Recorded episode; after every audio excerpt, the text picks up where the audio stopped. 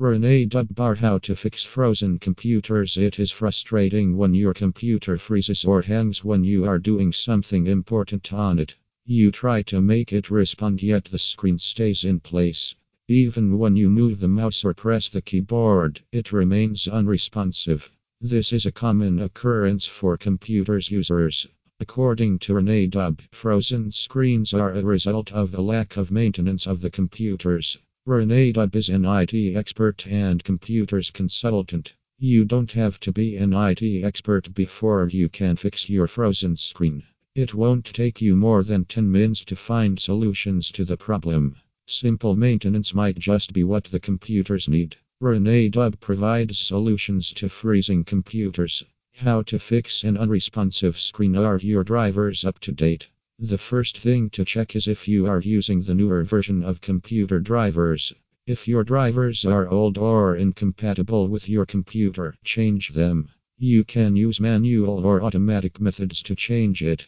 There are digital tools to change drivers automatically. These tools are made to instantly recognize the type of computers and the suitable drivers for them. They save time and energy you would have used to find compatible drivers for your PC. You can find different types of these tools or apps online. There are paid versions and free versions. Free versions come with limited features, while the paid versions have the full features you need with return policies. Just download the one you want to your PC. To use digital tools to fix frozen screens, follow these steps. Download your chosen app, then install it. After installation, run the app, select Scan Now. The application will go through your PC driver to find what is wrong with it. Select the Update Everything option for automatic download and installation of the right drivers. Start your PC again so that the new versions will complete installation. Remove temp file as temp files are not permanent documents. They occupy a lot of space on your drive. They gradually increase in size to the extent that little space is left on the drive. With time, the speed of the PC will reduce or the PC will break down.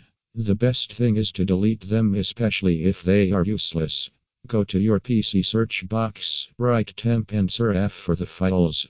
Highlight all the files you want to delete and remove them. Always leave your hard disk on. IT technicians like Rene Dub say it is good for the hard disk to be on. Change the power plans of the hard disks by Going to the Advanced Power menu, hard drive options will appear. Click twice, select Disable Hard Drives later. Select Never for the timings. Press OK. Go back to see where the screen is now responsive. Fix corrupt files. Frozen PC screens can be from corrupt, problematic, or blank documents. These documents are stored on the PC. To fix these files, Use digital tools to fix and change corrupted system documents. These digital tools are specifically made to repair operating systems that have problems. Download the one you want on your PC. If you choose the free version, you don't need to pay. The tools are made to check the PC Windows for any malware, viruses, and documents with issues. After scanning, they delete the damaged documents. Then they put new documents that are not corrupted in the system.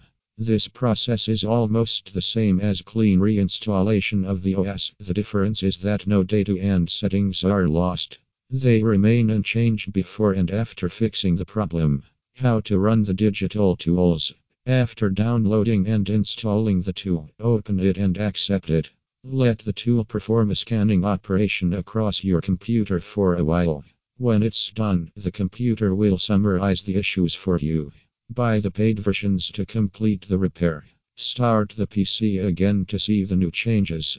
Use System File Checker SFC. SFC is a vital tool for Operati.